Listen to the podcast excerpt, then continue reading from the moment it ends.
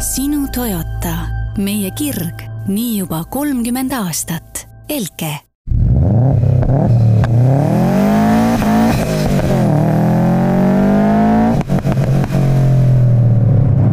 tere ja kaunist kolmapäeva, istmesoojenduse podcast on siin taas alustamas. täna oleme siin stuudios kolmekesi, mina, Veli ja siis meil on ka külaline. Ja räägime kohe, lähme tegelikult teema juurde, räägime sellisest huvitavast teemast nagu Wisedrive ja see on siis üks selline startup, mis on loonud sellise keskkonna, kus on võimalik omale auto remondi aega või hooldust siis broneerida ja, ja meil ongi siin Wisedrive'i esindaja koha peal. ja ta natukene räägib siis sellest, et mis see keskkond siis on ja tervist, tänud külla kutsumast. Wisedrive on siis keskkond, kus me ühendame ausad töökojad inimestega siis, kelle autol on vaja kas hooldust või remonti, nagu sa mainisid, ja samuti ka keretöösid. et täna on see peamine fookus no õnneks mul oli just selline õnnelik või õnnetu juhtum, et Veli ütles, et meile hakkab Wisedrive'ist tulema, on ju, külaline, ma mõtlesin, okei okay,, väga huvitav, aga et ei ole autoga ühtegi probleemi olnud. ja järgmine päev ärkasin üles, vaatasin, et auto jahutusvedeliku paak on täiesti tühi ja, ja sellisel kurioossel kombel jõudsingi sinna, et ma siis mõtlesin, et okei okay,, ma proovin ka järele, et mis. kiire eksperiment, jah. mis see Wisedrive on, on ju. ja tegelikult see keskkond on lihtne, loogiline, tegin konto ära, seal on võimalik kas siis manuaalselt teha konto Google'iga, Facebookiga, on ju. et registreerumine võttis, ma ei tea, mingi paar minutit äärmisel juhul küsisin siis pakkumist, kirjutasin suhteliselt lakoonilise kirjelduse ka, et lihtsalt see jahutusvedeliku mahuti lekib, oleks vaja ära vahetada kõik. ja siis ootasin paar päeva ja selle ajaga tuli kolm pakkumist. pakkumised olid iseenesest täiesti soliidsetest töökodadest. noh, mitte küll esindustest, aga ütleme täiesti arvestatavatest töökodadest ja, ja aegadega oli ka hästi, põhimõtteliselt ma oleks võinud minna sisuliselt kohe sama päeva õhtul seda vahetama, kui ma oleks tahtnud. ja, ja hinna mõistes oli ka täiesti normaalne, keskmine hind oli nelikümmend viis eurot, tegelikult oli kaks pakkumist, kaks tükki olidki enam-vähem nelikümmend viis eurot ja üks pakkumine oli selle eest kuuskümmend viis eurot, et ma eeldan, et see üks oli siis hooajaosadega, on ju ja noh, ühesõnaga see alternatiiv oleks siis see, et sa oleksid on ju pidanud küsima, kas esindusest pakkumisi, hakkama ise neid pakkumisi igalt poolt taga ajama, jah nojah, ma ei tea, vaata, et see küsimus siin ongi võib-olla see, et, et kui palju neid äh, esindusi teil üldse seal andmebaasis on, et kui palju, kui ma näiteks esit-, esitangi sellise lakoonilise küsimuse mm., et mul oleks vaja see ära vahetada, siis äh, kui paljude mingisuguste esinduste remonditöökodadeni see üldse jõuab, see minu kiri no,? meil täna on kokku kolmkümmend töökoda, sealhulgas siis kuus esindust, et me oleme täna välja filtreerinud äh, margipõhiselt, ehk siis kui sa teed oma näiteks BMW-le mingisuguse päringu, siis me Audi ja Mersu ja Honda mingitesse töökodadesse seda ei saada, on ju. et äh, esindused jah, siis täna katavad äh,, ongi Toyota ja Amserv ja Škoda ja Viking Motors ja ja Top Auto ja Lexus Tallinn ja et, et need on nagu need põhilised esindused ja, ja siis iseseisvad nagu põhilised Tallinnas ja Harjumaal, et täna ongi see piirkond meil kaetud nüüd hakkamegi vaikselt nagu teistesse linnadesse edasi liikuma. aga Norman, mille põhjal sa tundsid seda vajadust siis, et sellise asja järgi on äh, turul tühimik või oli sul endal mingi kogemus või töötasid sa ise sel alal või kust see mõte üldse tuli niimoodi? vajadus tekkiski puhtalt enda kogemusest, vahetasin autot, äh, läksin Volkswageni peale ja oli vaja teha suur hooldus ja siis, siis oligi see, et, et äh, kuhu minna, on ju. ja siis hakkasingi guugeldama, võtsin erinevaid pakkumisi. esiteks, see oli nii ajamahukas protsess teiseks äh, kogu see pakkumiste võrdlemine, see oli nagu keerukas, et kõik saadavad sulle mingeid PDF-e, need tulevad täiesti erinevatel aegadel. Äh, vahepeal nad kaovad kuskile meili postkasti kuhugi teiste kirjade vahel mm -hmm. ära. Mhm. ja, ja siis samuti seal ei tule välja seda, et kas tegu on siis nagu hea töökojaga või mitte, on ju. et täna nagu meie eesmärk on siis kaasatagi ainult sellised ausad, usaldusväärsed töökojad, kes on siis meie poolt auditeeritud. ja see auditeerimine tähendab siis seda, et me kõigepealt vaatame, kas äh, teeme taustakontrolli, et ei oleks mingeid maksehäireid, palgad mm -hmm. oleks, äh, oleks normaalsed ja siis juba koha peal vaatame, et oleks kõik tõstukid hooldatud, tehnika oleks korralik, ohutusnõuded, et näeks viisakas välja ja, ja sealt edasi, on ju Mm -hmm. ja kas teil on siis, kui te auditeerite, siis äh, kas te käite a la sina ja see, kes te, käite lihtsalt ise vaatamas, aga te olete selles mõttes ka mingisuguse auto taustaga või äh, nii-öelda kuidas ma siis ütlen, et, et olete autode kallal ise ka toimetanud ja teate, kuidas, kuidas siis selle töökoja mida seal vaadata ja otsida, et see oleks nagu sobilik töökoda? no mina olen nüüd järjest targemaks saanud, ma ei ole, ei ole selles mõttes õppinud autondust, aga ma olen olnud nagu väiksest peale entusiast, et äh, Kevin, mul siis nii-öelda co-founder, on õppinud äh, autoinseneriks mm, -hmm. magistrikraadi teinud siis äh, TTÜ-s. tema nagu teab seda tehnilist poolt palju paremini ja noh, koos ongi siis lihtne käia, et mm -hmm. kõrvalt õpin ja, ja no ega seal meil on nagu ette antud äh, konkreetsed mingid kriteeriumid, mis, mis töökohal on vaja läbida, et nad saaksid meie süsteemi, on ju et selles mm -hmm. mõttes midagi keerulist otseselt ei ole. oota, ja kas sa selle töökodade numbri juba ütlesid, palju teil praegu on sinna? kolmkümmend, jah. kolmkümmend mm,. okei okay. aga palju päringuid on, kui me räägime sellest, et mis see nagu normaalne aeg on ju, et see on ju seotud mm -hmm. sellega, et kui palju on töökodasid, kui palju on päringuid, on ju, palju neid päevaseid päringuid teil umbes tuleb? kokku on täna tulnud päringuid äh, sinna circa nelisada viiskümmend kasutajad on tehtud äh, kuskil viissada, ehk siis äh, mõned ongi lihtsalt kasutaja teinud, kellel täna veel vajadust pole. ja ülejäänud siis nendest on, on juba päringu saatnud, mõned on ka paar korda juba teinud päringu ja läinud koha peale töökotta, et äh,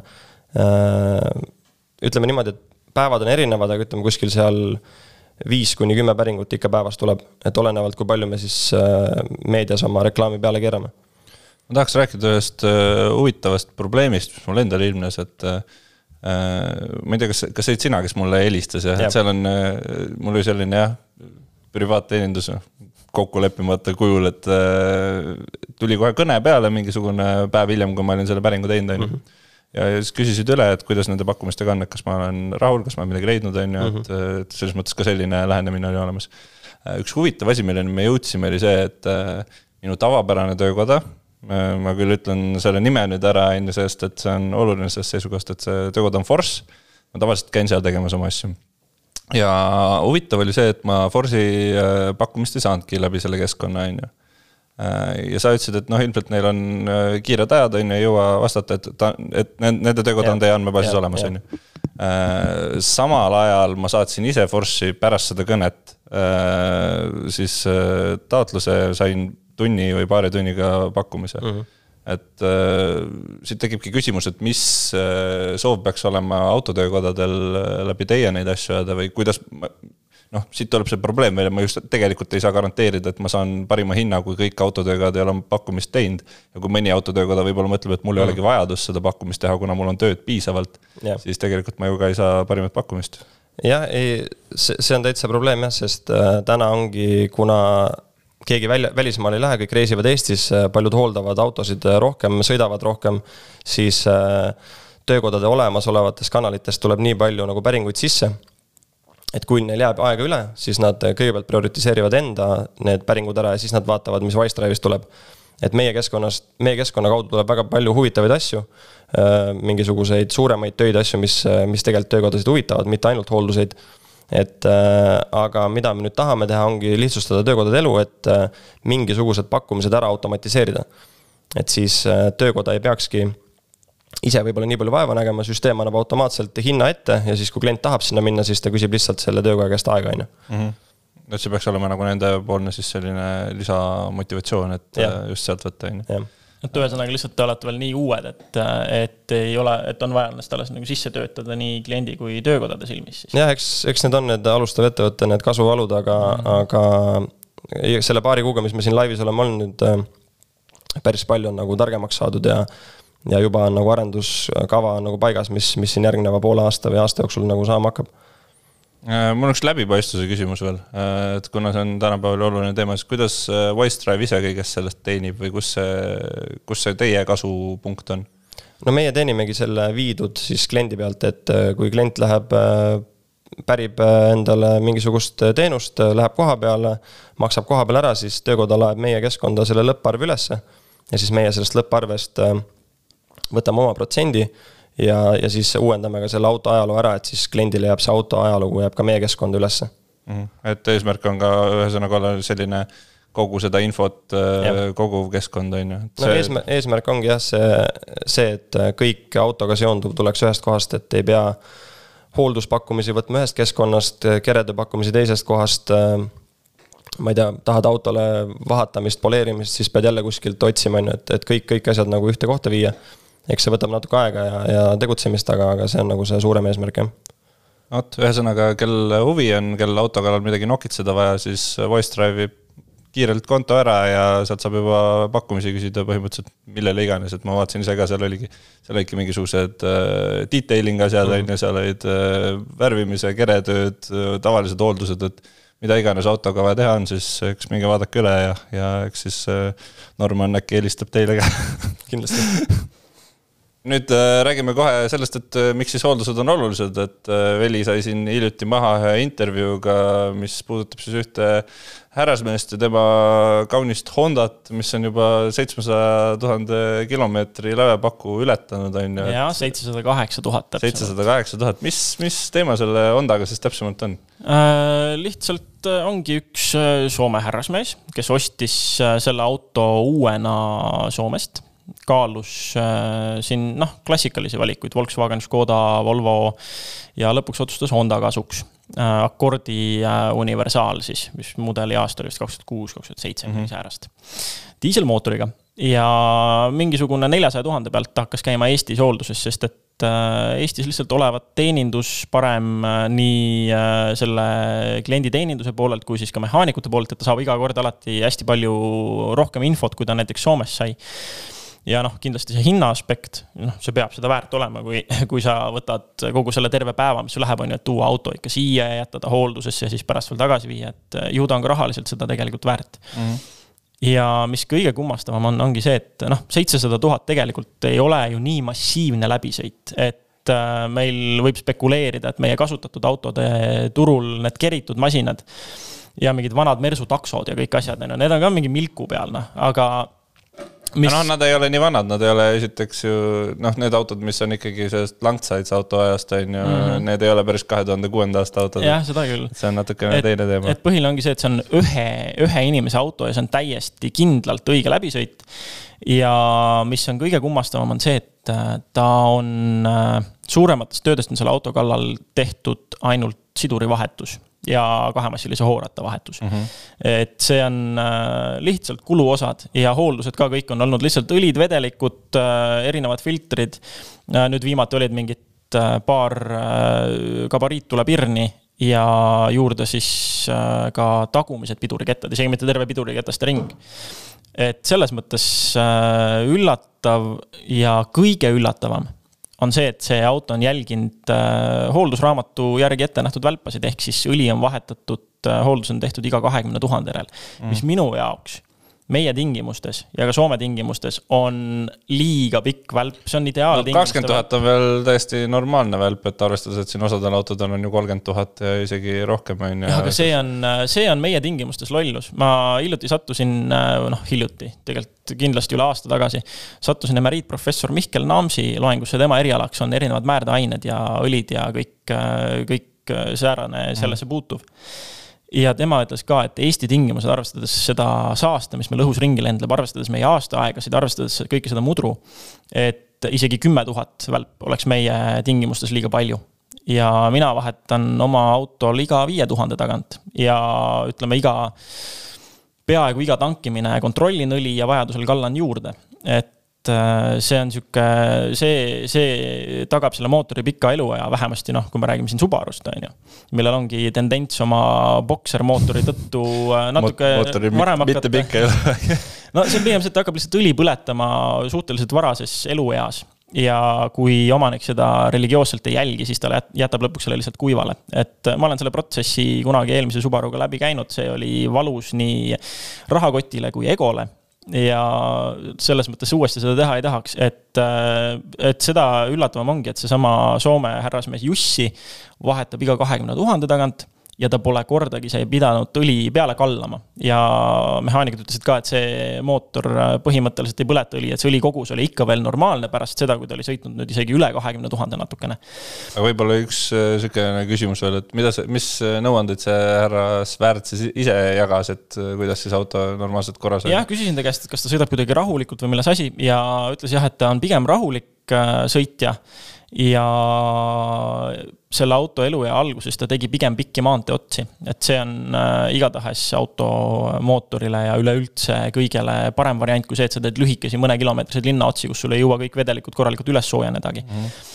et äh, ja selles mõttes nüüd, kui noh, Eesti inimene paraku ostab läbisõitu, aga kui selline auto müüki tuleks, üks omanik ja kindel läbisõit ja hooldatud niimoodi, et et noh, mehaanikud ütlevad ka, et põhimõtteliselt veel nagu esinduses nagu ja kaks asja on ainult vahetatud, on ju. jah, põhimõtteliselt, et kogu ajalugu on kontrollitav ja peamiselt maanteesõidud, siis ma igatahes eelistan seda masinat mingile Saksa premiumile, mis on äh, sõitnud väidetavalt, ma ei tea, kakssada tuhat või isegi kui ma tean, et see on päriselt sõitnud kakssada tuhat, aga need on linnasõidud ja omanikke on olnud rohkem kui kolm, ütleme siis juba tegelikult see, see Honda seal tundub maru hea variant ja Jussi ütles ka, et äh, tal tegelikult on plaan äh, varsti autot vahetada.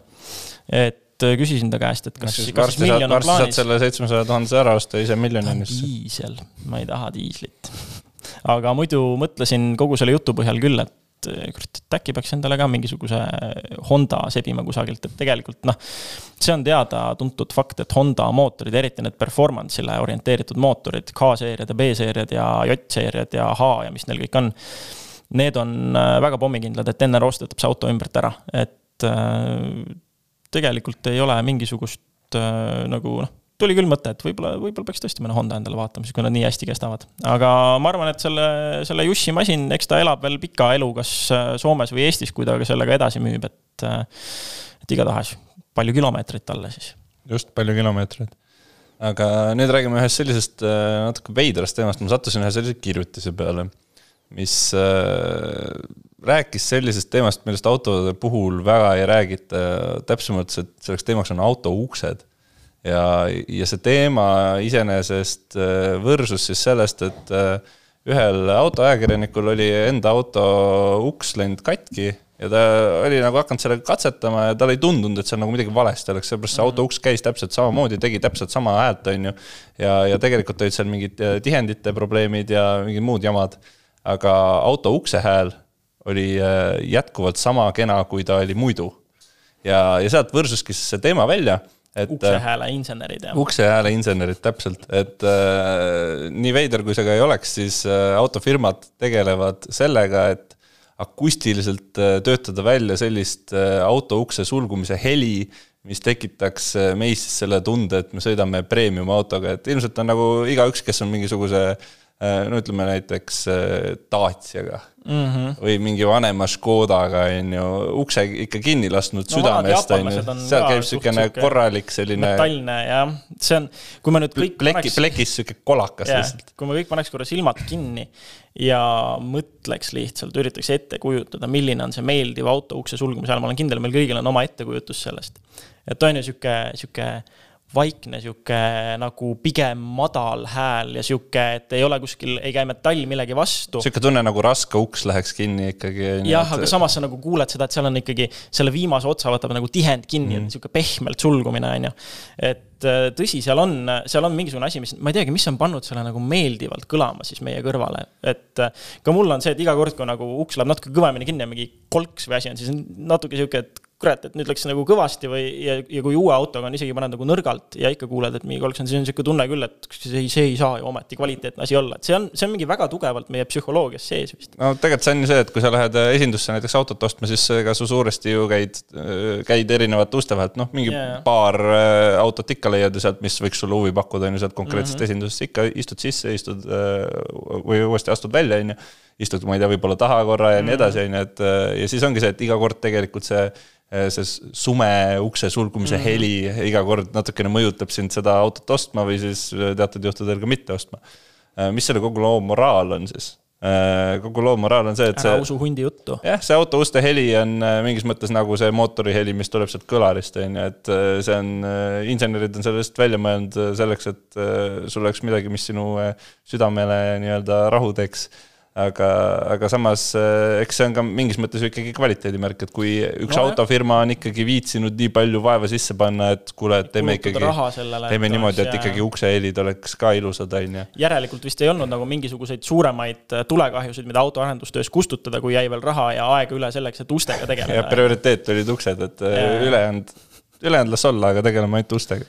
et jah, jah, jah, ma saan sellest aru, et ühesõnaga ärme siis usalda seda. ühesõnaga jah, et kui te, kui te kuulate, kui te kuulete kena ukse häält, siis äh, ärge laske ennast sellest petta, vaid äh, otsustage, otsustage ikkagi millegi muu põhjal, näiteks see kõlaritest tuleva heli põhjal, on ju.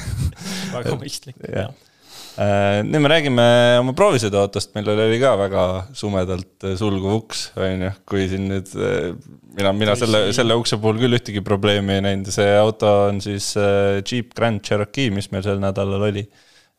minu sõit Äh, sellega jäi küll üsna viivuks, äh, aga sa ilmselt said temaga natukene rohkem sõita. ja ma ka väga palju taga ei sõitnud, aga ma ikkagi sain temaga jah, siukse terve päeva koos olla ja üritada meelde tuletada ka siin äh, tema väiksema venna proovisõitu, et kui me ka tava Cherokee'ga sõitsime.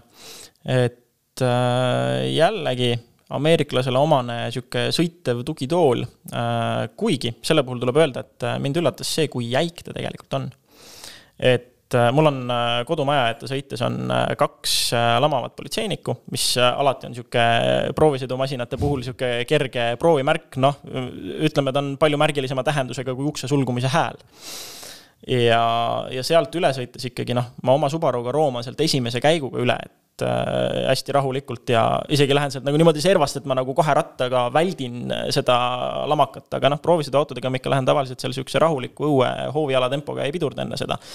ja ta ikka võdistas korralikult ja mis mind üllatas, oli see, et muidu ta nagu jätab on ju pehme mulje aga, aga kui sealt üle minna, siis äh, juhtub see asi, et ta jääb korra ette ja taha kalduma ja siis alles nagu jääb kere paigale mm. -hmm. et see näitab ikkagi nagu maru suurt jäikust tegelikult.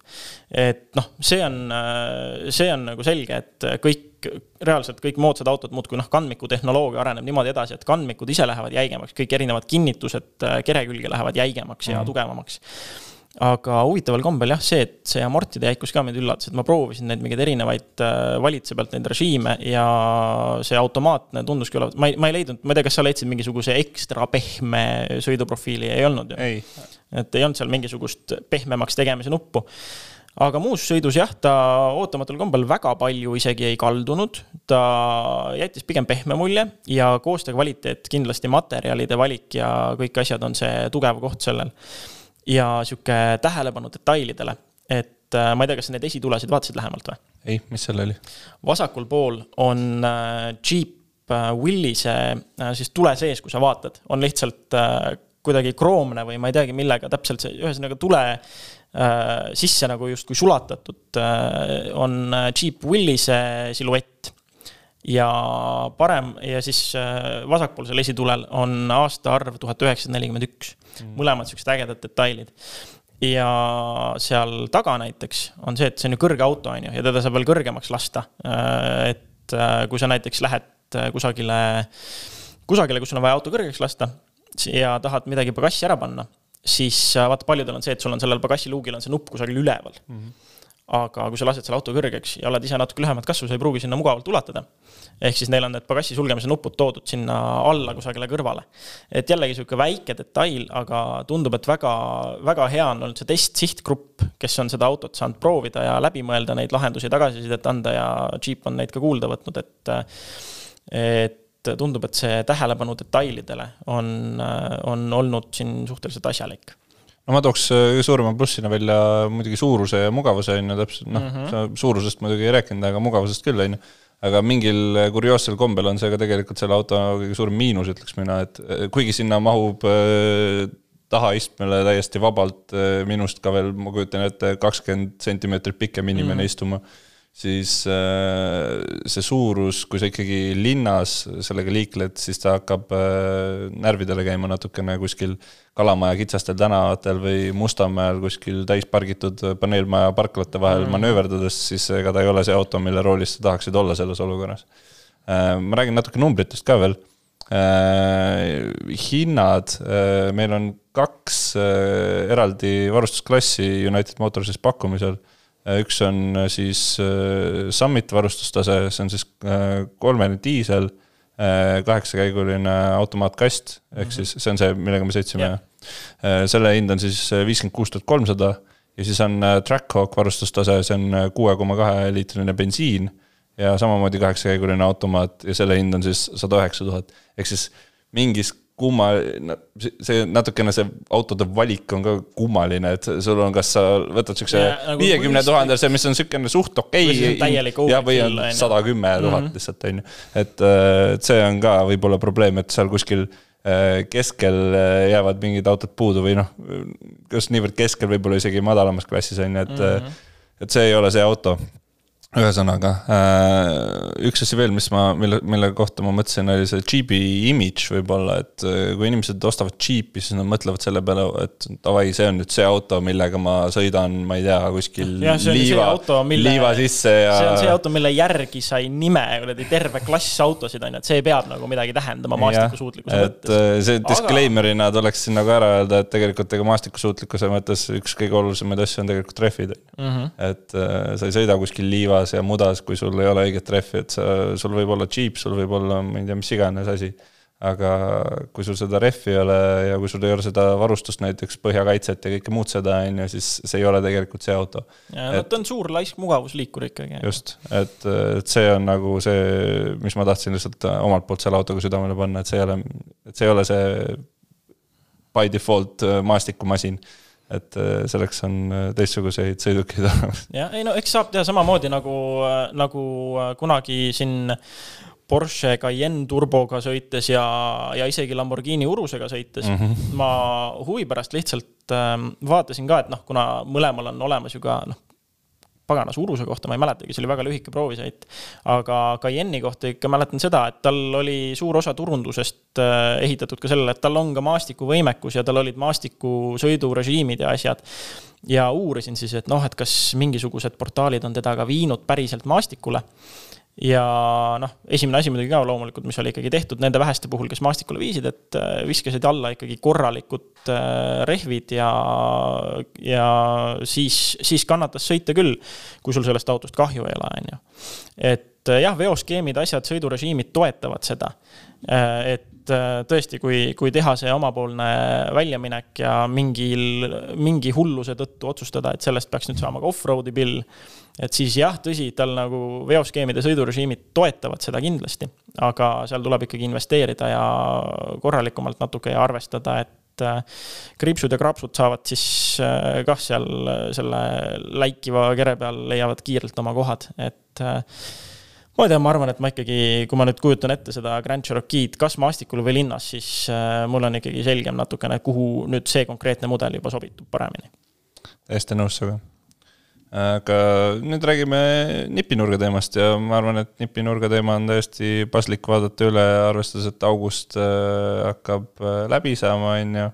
Ja siin on, äh, ma ei tea, kas sa ise oled märganud, mina olen küll märganud, et inimesi on juba liikluses kordades rohkem, autosid on kordades rohkem. Need ajad, kus sai rahulikult kaheksa minutiga tööle sõidetud, on möödas et äh, ummikud on juba olemas ja, ja tegelikult see toob ka kaasa selle olukorra, kus inimestel on vaja palju targemalt otsustada seda, kuidas liigelda. et äh, anname siis mõned soovitused omalt poolt. Äh, ma isiklikult kasutan kahte head abimeest, üks on Waze ja teine on äh, tark tee rakendus. tark tee põhimõtteliselt näitab tegelikult samu asju, mis on Waze. Waze'i eeliseks on see, et mida ma ise näiteks teen sellistes olukordades, kus ma olen äh, Äh, anomaalses seisu, mingis anomaalses seisus, et ma ei tea, ma pean sõitma tipptunni ajal kuhugi linna teise otsa kuhu mhm. ma varem ei ole sõitnud mingiks ajaks, siis ma kasutan seda etteplaneerimise funktsiooni seal, on ju, et siis ta ütleb sulle, et mis kell välja minna ja üldiselt ma olen selle järgi tegelikult jõudnud ka ütleme, niisugune pluss-miinus kolme minutiga enam-vähem kohale mm. -hmm. et ta suudab seda suhteliselt täpselt äh, paika panna. aga siin on ju see küsimus, et ma ei tea, kas selles on midagi muutunud, aga kui Waze alguse sai, siis ta ju ennustas neid äh, reise kõigi kasutajate põhjal reaalajas aga mingil hetkel toimus muudatus, ma lihtsalt märkasin ise ka seda, et Waze'iga sõites äkitselt need ajad ei olnud enam nii täpsed mm. -hmm. ja mis oli muutus, kui ma natuke uurisin, oli see, et reiside kestvust hakati ennustama juba kogutud andmete põhjal, võttes arvesse siis, kui palju sel ajal tavaliselt on liiklejatel kulunud läbimiseks. ja, ja hakati ennustama ka seal nagu see aspekt jäi alles muidugi, et kasutajad saavad lisada sul mingisuguseid, äh, mingisuguseid takistusi teel, tee-ehitusi, noh, politsei, mis iganes sinna mm -hmm. tavaliselt pannakse, on ju aga et põhiline see reisiaja ennustamine toimus kogutud andmete ja statistika põhjal, mitte enam reaalajas. Ja siis see oligi see koht, kus ma korra mõtlesin, et oot, et Maps'i pealt Waze'ile kolisin ma sellepärast, et tal on nüüd see reaalaja eelis, aga mis siis nagu nüüd miks ma peaksin üldse Waze'i kasutama, aga kuidagi olen ikkagi jäänud, jäänud Waze'i peale, et et paraku mulle tundub, saab veidike paremini hakkama enamus ajast kui Maps, et ainuke asi, mis võib-olla Waze'i nõrgaks kohaks on, on see, et mingisugused, mingisuguseid aadresse ei ole ta suutnud nii täpselt leida kui, kui Maps. et muus osas ikkagi ka suhteliselt täpne minu, minu kogemuse järgi.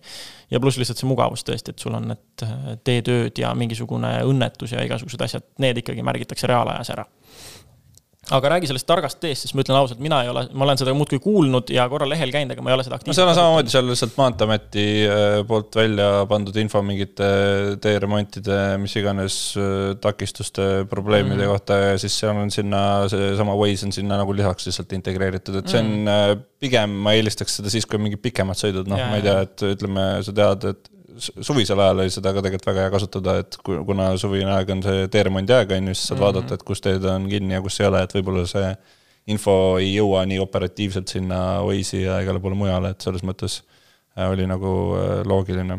sul on endal äkki mingi soovitus veel, et kuidas äh, sellel ummikute ajal paremini enda aega planeerida, kuidas õigeks ajaks kohale jõuda? Äh, aja planeerimise mõttes mitte nii väga, ma olen samamoodi seda Waze'i etteplaneerimise äh, funktsiooni kasutanud, et äh, eelneval õhtul korra vaatan, et mis kell ta soovitab mul välja minna. mul ei ole päris hästi hakanud tööle see, et ta mulle teavituse saadaks, kui on aeg välja liikuda mm. pluss siis oleks juba tavaliselt ka liiga hilja, kui ta mulle annab teavituse, et nüüd liigu välja, et noh, noh, võiks, võiks natuke ette teada anda. et ma olen lihtsalt jälginud ja vaadanud, aga ummikutes ja nüüd, kui liiklust on palju, siis muud midagi kui rahu, ainult rahu, et äh, tuleb lihtsalt äh, harjudagi, et autosid hakkab rohkem olema, kulub rohkem aega, et, äh, et saada tööle, ei saa sõita nende loogikate järgi, noh, inimestel on hästi omane see, et, et reisi kestvus meie peas saab omale ajalise väärtuse vastavalt sellele, noh, ütleme, et mul on vaja saada tööle. nii, mul tavaliselt kulub selleks viisteist minutit. oh, üks hommik ma sain kaheteist minutiga hakkama ja nüüd see kaksteist minutit kinnistub mulle pähe, et kaksteist minutit on see aeg, mille, millega ma tööle saan. ja iga kord, kui sa natuke kiiremini saad, siis see kinnistub sul pähe, et vot see on see aeg, millega ma umbes tööle lähen mm. ja sa hakkad seda planeerimisel arvesse võtma, aga valesti. et äh, see on hästi inimlik aspekt ja tegelikult on ikkagi see, et, äh, et arvestage veidike rohkemaga, kasutage Waze'i, planeerige ette ja liigeldes rahu, et kui olete välja läinud liiklusesse, siis ega liikluses seda aega tegelikult enam nagu naljalt tagasi ei võida. et ei tasu mingeid rumalusi teha, et ma olen siin ka näinud, kuidas liiklus on praegu palju närvilisem, alles eile jälle mingisugune samasugune bemm nagu sellel üheksa, üheksa, üheksa isal oli. Äh, lasi ka kusagil Õismäe vahel äh, bussitaskutest ja radadest ja asjadest Fordi juures äh, tuimalt mööda ja siksis autode vahele, milleks närvitseda. jah, tõsi, sellise sõidustiiliga võib-olla ta võitis oma lõppsihtkohta jõudmise mõttes mingisugune kolmkümmend sekundit aga see ei olnud kusagilt otsast seda väärt ja ega ta nagu endast kuidagi viis niimoodi liigelt tarka muljet ei jäta, et äh, selline laks ei anna, ei, ei, ei jäta kaua oodata, et rahulikult liikleme ikkagi. ja ma lõpetuseks ütleks veel äh, ühe väikese sellise, kuidas öelda, tähelepaneku või eh, tahaks südamele panna seda, mida ka Liiklusjärelevalve Keskus siis Facebookis soovitas, et kuna nüüd on ikkagi kooliaeg on algamas, lapsed on äh, linnas tagasi, siis äh, tasub ka nende suhtes kindlasti olla väga ettevaatlik ja, ja olla praegu just eriti, eriti järgsalt sõita, et äh, ikkagi vaadata ka nende autode taha, kuhu ei pruugi näha, et arvata, et ka sealt võib midagi välja tulla. ühesõnaga, sellise soovitusega lõpetame äh,, sõitke ohutult ja kuulame ja näeme juba järgmisel nädalal uuesti, aitäh kuulamast